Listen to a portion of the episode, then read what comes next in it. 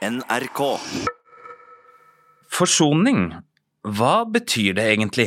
Hvem er det som skal forsones med hvem, og hvordan skal man få det til? Jeg er så heldig å ha med to svært tydelige og profilerte personer i Sápmi, Per Oskar Kjølås og Andy Zombie. Velkommen skal dere være. Takk skal du ha. Tusen takk. Per Oskar, eh, du var biskop i Nord-Hålogaland bispedømme i tolv år, og var faktisk den første samen som ble en biskop. Og så har du vært sogneprest i Kautokeino, og du har vært sentral i å få oversatt Bibelen og andre sentrale religiøse tekster til samisk. Og selv om du er pensjonist, så er du med i Sannhets- og forsoningskommisjonen.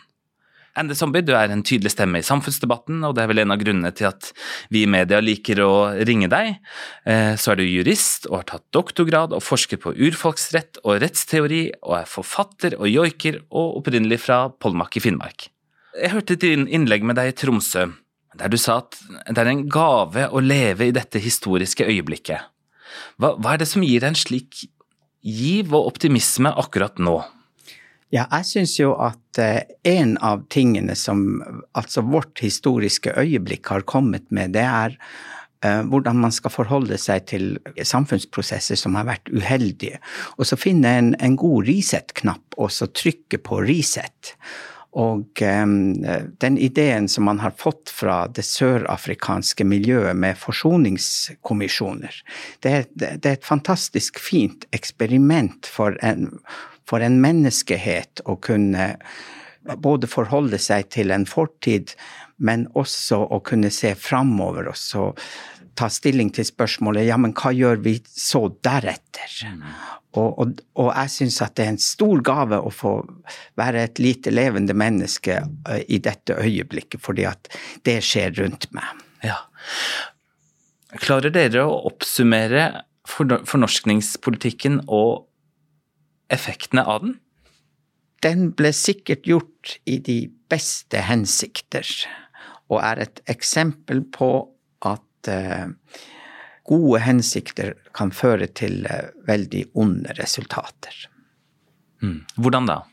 Ja, vi har f.eks. en god del samiske mennesker som, som har mista sitt språk. Og vi har eh, en god del familier som har vært eh, gjennom generasjoner har vært nokså dysfunksjonelle gjennom det at, at, at folk er blitt, eh, blitt mishandlet på internatene. En god del samer går og hater seg sjøl. Og, og det er veldig utfordrende for et samfunn. Vi har det at, at eh, eksempel folk som er, er trengt sammen i et internat, de slåss og, som smågutter. Og så når de så kommer ut i lokalsamfunnet, så blir de ikke de produktive samarbeidspartnerne som kunne ha vært eh, veldig viktige og fine for, for lokalsamfunnet. F.eks. den ene en god båtsnekker, og den andre en, en god laksefisker. Og, så, og symbioser som kunne ha vært som kunne ha skjedd mellom, mellom folk, de uteblir. Og samfunnet som helhet lider av, det- under det. Jeg tror også at eh, mye av det som skjedde i fornorskningspolitikken var velment i og for seg. Men i, i buen så ligger det jo en sosialdarwinistisk ideologi som på en måte sier at her er noen som står over de andre, som er mer høyverdig enn de andre. Så jeg tenker at, eh, at den har både noe velmenende i seg, men det likevel en brutal ideologi som ligger bak fornorskningsperioden og som, eh, som eh, setter så dype spor i, i, i vårt samfunn i dag, til og med i dag. Hva er forsoning? Det høres så enkelt ut på en måte. I vår juridiske tradisjon så sier vi at forsoning lar seg strukturere. Og- for ett eksempel er at den lar seg strukturere i fem skritt. Um, Første skritt er at man eh, kartlegger hva som faktisk har skjedd. Andre skritt er at den som har eh, gjort eh, det som det skal forsones over, eh, erkjenner jo, det var, det var jeg som gjorde det. Og det tredje mm, skrittet er da um, at kan jeg rette opp i det? og, og, og f.eks. komme med erstatning eller andre former for soning med utgangspunkt i, i, en uheldig hendelse eller en uheldig prosess. Og det fjerde skrittet er at man erklærer at eh, det der skal jeg aldri gjøre mer. Det der skal ikke skje mer. Og, og så er det det femte skrittet uh, som er, er, at da kan du gå til vedkommende og så spør du kan du tilgi meg, kan dere tilgi meg? Men, men sånn at det å, å, å, å, komme til en forsoning, det er altså ikke det samme som å koke seg vann og så helle oppi pulverkaffe og så røre, røre, og så er kaffen klar. Nei, Det er jo en krevende prosess når du, når du legger det fram sånn som du gjør det nå. Hvor, hvor, står vi i dag, tror du da? Jeg tror vi har et, et, veldig fint første skritt, altså at vi skal nå kartlegge hva som faktisk har skjedd. Og, og, der er det både Ofte så når man kartlegger et hendelsesforløp, så er det to aspekter. Det ene er liksom hva som faktisk har skjedd. Men det andre aspektet er folk, hvordan folk har opplevd det. Sånn at hvis du bare ser hen på på fakta, så kan det være at du blir du er enøyd og ikke får frem dette eksistensielle, det opplevelsesmessige. Og, og, og, vice versa, at hvis du bare ser på det opplevelsesmessige og ikke på det faktiske, så, så får du ikke det, det tredimensjonale synet som du trenger. Hva er mandatet deres i Sannhets- og forsoningskommisjonen? Det er jo et tredelt mandat. Og eh, det er jo Stortinget som har bestemt mandatet og oppnevnt kommisjonen. Og Det første er jo en historisk kartlegging av den såkalte fornorskningsperioden, eh, som varte fra ca. 1850 og, og, fremover, mot vår tid. Altså, noen sier til eh, andre verdenskrig, og noen sier til Alta-saken, og noen sier at den fortsetter fortsatt. Det er jo det kommisjonen skal bl.a. undersøke. Og det andre er jo virkninga av fornorskningstiden. For den enkelte og for eh, det samiske folk, og også for det norske folk. Og så eh, kvener, selvfølgelig, det må vi ikke glemme i denne sammenhengen. For de har vært utsatt for en, en, en like hard fornorskningsprosess, men med litt forskjellig begrunnelse.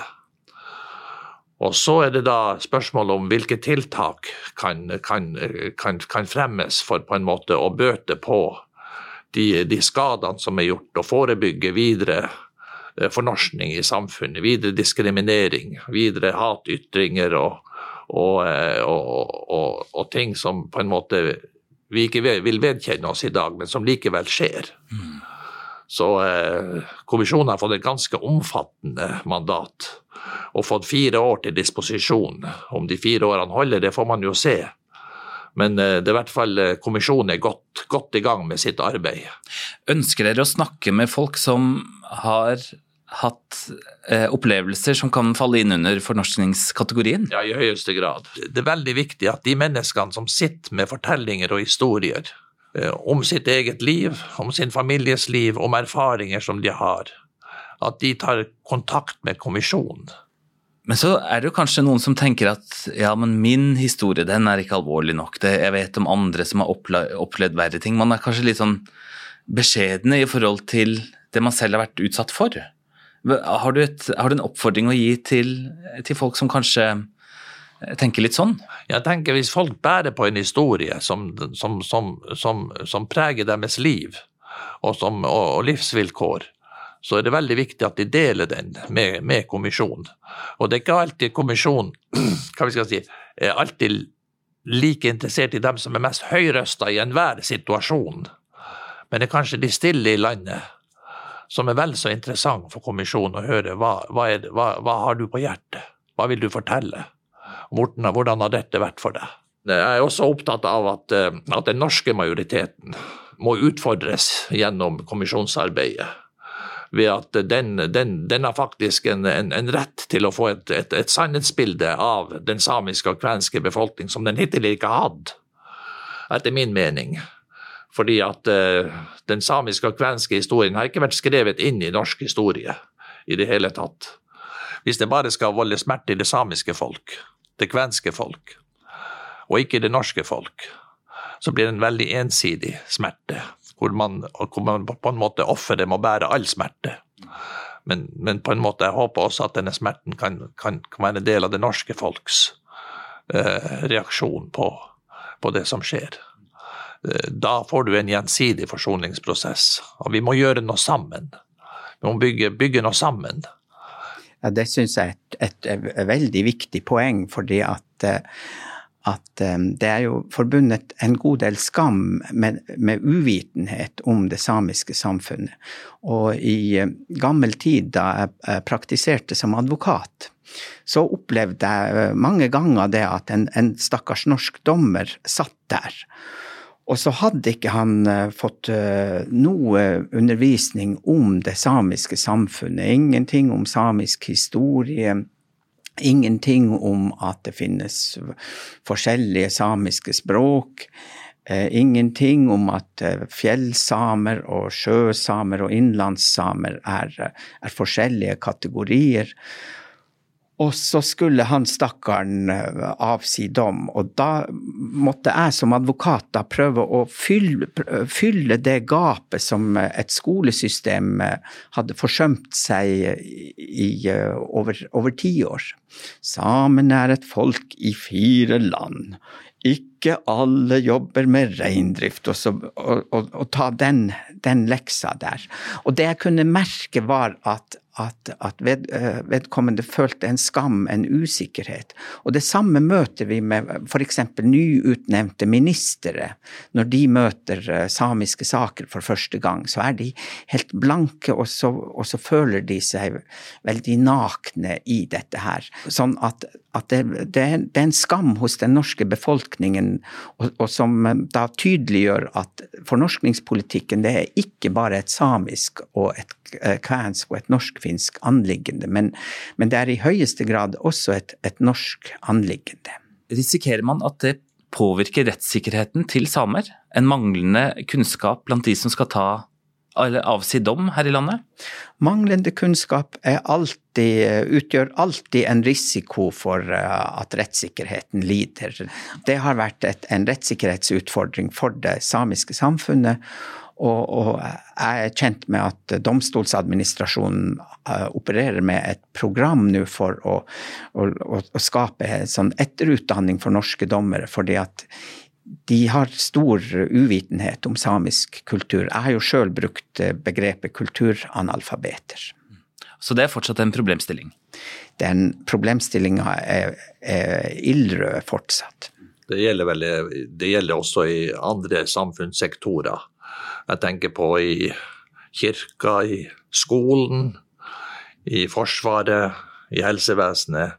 Hele veien finner vi en, en, en mangelfull kompetanse når det gjelder det, det, samiske, selv om du kan nok merke at velviljen er til stede på en annen måte enn før uvitenhet kan ha forskjellige nivåer. Altså den som er mest uvitende, vet ikke at man er uvitende. Den som vet at han er uvitende, utviser i det minste ydmykhet. Og, og vi er omtrent eh, der i den, den generelle samfunnsstemninga nå, at, at, man, at det norske samfunnet er blitt klar over sin at det er noe vi ikke vet her de aller fleste responderer med ydmykhet og en spørrende holdning. Og så har du litt netthat og, og, og sånne ting, som, som også er, jeg tolker som, som respons på den usikkerheten man kan få ved å oppleve at man er uvitende om ting. Men hvis det er en vilje til å erverve seg kunnskap fra beslutningstakerne i samfunnet og ned til den jevne kvinne og mann i gata, så er man jo eh, på et gunstig tidspunkt i historien sånn sett, da. Det, det, det, det, er riktig. og jeg tenker at, at En sannhetskommisjon kan uh, nå være en, uh, en, katalysator, ikke bare overfor Stortinget, men også i samfunnet generelt. Uh, når det gjelder åpenhet, og når det gjelder kunnskap, og når det gjelder muligheter for, for et oppgjør med det som har vært. For det er klart at det må, i, i kjølvannet av Sannhetskommisjonen, så må det komme et oppgjør også. Hva mener du Den norske kirke burde gjøre? Norske kirke har jo gjort en del allerede. De har jo erkjent sin medvirkning og vært lakei for den, den norske staten i fornorskningsperioden. Ikke nødvendigvis som en pådriver, men ofte en, en sånn etterdilter som har dilta etter uh, i, alle de her spørsmålene som har med, med samisk og kvensk å gjøre. Men det er litt viktig at det er tiltakene som gjør det, ikke skal bare være et sukkertøy i munnen for en befolkning som man opplever som sutrende, men at det, at det, det reelle alvorlige hensikter med det, og at dette prioriteres. Og Det har man gjort i Den norske kirke. Man har sagt at samisk kirkeliv skal være likeverdig med norsk kirkeliv. Og det må da vise seg i praksis, ellers så blir det ingen forsoning. Ja, Så strukturelle endringer, rett og slett? Strukturelle endringer er veldig, veldig viktig, slik at det, det samiske og det kvenske blir synlig. Og så kan vi se på fornorskningspolitikken som, slags, som et slags uvær som har vært, en storm, en orkan. Og det som skjer etter en storm og en orkan, det er at bølgene slår lenge mot stranda etter at selve stormen er over. For, for, eksempel så gir det seg utslag i at det er strukturelle forhold. Eh, og et strukturelt forhold kan være en ungdom her i Tromsø som skal gå på videregående skole, og som skal ha samiskundervisninga si. Kommer til, til undervisningsinspektørens kontor og sier ja, hvordan var det med den samiskundervisninga, jeg kan ikke se den på timeplanen. Og så sier eh, undervisningsinspektøren ja, det var den samisken, ja, den har vi jo helt glemt. Og det, det denne ungdommen da har møtt, det er et strukturelt eh, forhold. Og det fins et, et vell av strukturelle forhold også i, i, i kirkas uh, omgang med samisk, hvor man må ha den bevisstheten at, at, at selv om man har uh, foretatt denne unnskyldningserklæringen i 1997, så er det mye arbeid som må gjøres på den stranda. Ryddearbeid og forsterkningsarbeid og gjenopprettingsarbeid, sånn at, at man kan få, få ordnede forhold igjen. Dette er jo et, et problem som arves. Vi, vi, snakker jo med samisk ungdom i dag som på en måte ikke har opplevd den harde fornorskningstiden, men som har arva fra sine besteforeldre og sine foreldre, og hva det setter i gang av, av, av bevegelse i folk. Så det, det, dette er høyst eksistensielt og relevant. Og, og veldig alvorlig, egentlig, for, for, for mange mennesker i dag. Jeg var nylig i Sør-Varanger og hadde et foredrag om sannhet og forsoning. og og merker jo bare der i den, i den forsamlinga som var til stede, når man begynner å røre ved disse tingene, hva det på en måte resulterer i blant folk. Hva merka du der, da? Det blir så sterkt for de menneskene som sitter og hører på, for de har hver, sin historie som aktiveres gjennom det som, det som, fortelles. Selv om jeg kan fortelle generelt, så appliserer hver enkelt historien på sitt eget liv og sin families liv, og, og det de har opplevd i skolen og i kirka og i ja, møte med andre etater i, i, i, samfunnet eller med enkeltmennesker. Fra mitt hjem f.eks. så var det jo sånn at uh, vi hadde to kulturer i mitt hjem. I den første etasjen var det norsk, i andre etasjen var det samisk. Der bodde min samiske bestemor. Sånn at eh, vi hadde liksom en grense mellom det samiske og det, og det norske. Så du fikk en norsk oppdragelse, eller? Jeg fikk en norsk oppdragelse, men i en samisk kontekst. Og dette levde i harmoni med hverandre, eh, på en fin måte. Mens andre har jeg jo sett, ikke minst i min, i min, i min tid som prest, i, i, møte med mennesker, så har jeg jo sett eh, hva, hva, hva dette har gjort med folk. Mm.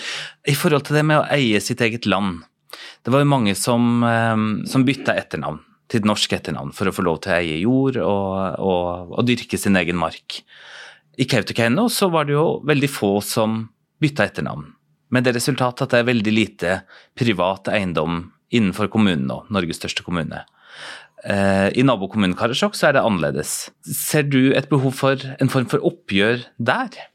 Det er jo et, et, spennende spørsmål, alle disse bureisningsnavnene. Vår familie fikk jo et brev hvert år uh, med forslag om vi, om vi ikke kunne overveie å ta navnet Bjørkhaug. Og så sendte man et brev at nei, det var man ikke interessert i. Og, og like fullt, neste år så fikk man det samme brevet, som, som har vært i nærheten av, av, av den den prosessen. Så det der, det har, jo, det har jo mange sider ved seg, og en av sidene er, er selve dette med eiendomsretten, men, men, det har også det med liksom hvordan man skal forholde seg til jorden, til de underjordiske, som, som også har vært sentrale i, i, samisk forestillingsverden, og som man i dag, når man tenker rettsteori, så, så, så tenker man jo også på, på livsopplevelser som, som folk har hatt og som har vært utgangspunktene deres for, for forvaltningssystemet. For eksempel, en av teoriene er jo at grunnen til at man ikke erklærte eierskap, var at man eide den jorda eh, i samråd med de underjordiske. Og, og, det er intet eh, unikt det at rett og religion kan ha sterk innvirkning på hverandre. Men er den samiske folketroa så sterk i dag at den skal kunne påvirke forvaltninga av jord og eh, eiendom? Ja, Et sted hvor den samiske folketrua har, har kollidert noe enormt, det er jo dette spørsmålet om reintall. Altså, for i den byråkratiske logikken så har det jo vært at man må få fastslått reintallene, sånn at man kan ut ifra beitegrunnlaget kalkulere hvor mange rein det det kan være. Og det er en rasjonell modell. Mm. Men uh, i den samiske folketruen så har det f.eks. det at du forteller ikke hvor mange fisk du fikk når du uh, har vært på fisketur. Og det har også vært at du forteller ikke hvor mange rein du har. Og grunnen har vært agorcho, altså en, en, en, slags eh, ånd eller en alv eller eh, en, en, størrelse som har et ondt øre. Og hvis Gorcho hører eh, hvor mange rein du har, eller hvor mye fisk du har, så sørger Gorcho for at du ikke kommer til å få noe særlig med fisk neste gang du går, hvis du går og telegraferer og proklamerer hvor mye fisk du har fått. Og den samme logikken har jo vært i reindrifta, men, men den byråkratiske logikken har da eh, nærmest utpekt disse reindriftssamene som, som ikke vil oppgi reintallene sine som, som skurker og, og, og, uhederlige mennesker. Men, men, det er jo bare det at, at, de vært, at den samiske folketrua i livspraksisen deres har vært sånn til stede. Den har vært kanskje sånn til stede at de ikke engang har hatt språk for det. Men det er sånne ting som man også har bruk for å få, få, få kartlagt og få refortolka og få, få innfortolka og se hvordan man kunne ha fått implementert dem inn i, moderne, i en moderne fremtid. Mm. Tror du vi kommer til å bli overraska over det kommisjonen finner ut?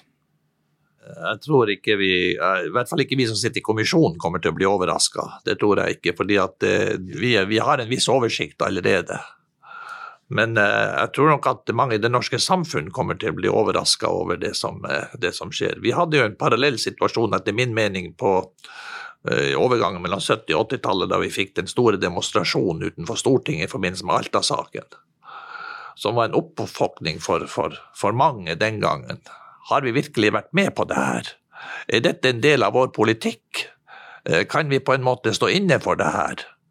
Jeg håper at, at, at noe av den reaksjonen også skal komme i kjølvannet av uh, Sannhetskommisjonen uh, sitt arbeid. At det, få, at det, kan få, ringvirkninger. At det kan bli en, en, en folkelig reaksjon som gir seg avtrykk i de forskjellige deler av det norske samfunnet. Er det en risiko for at man kommer i en situasjon hvor man anklager dere har gjort det her mot oss, dere har gjort det her mot oss, at det, at det blir en litt sånn usunn dynamikk?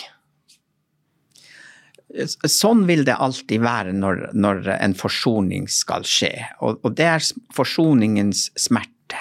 Man kommer ikke unna det at, at det er en del smerte, det er en del skam, og det vil være folk som, som, skriker ut den smerten da i, i ulike former. Men, men, jeg tror at det ikke finnes noen andre tunneler å komme seg gjennom enn smertens tunnel. Jeg ser det jo sånn at den norsk-samisk-kvenske fremtiden er et, er et felles sivilisatorisk prosjekt som, som, våre samfunn er um, sammen om, og, og hvor det store målet er at um, generasjonene etter oss, de skal se tilbake, og så skal de si at å, det var en fin generasjon. Tenk, de reiste gjennom smertens eh, tunnel og fikk ordna opp i dette her, og se hva vi har nå. Du møtte Per Oskar Kjølås og Ende Zombie. Jeg heter Svein Lian. Tett på fra NRK Sápmi er produsert for radio og podkast av 1 til 1 Media.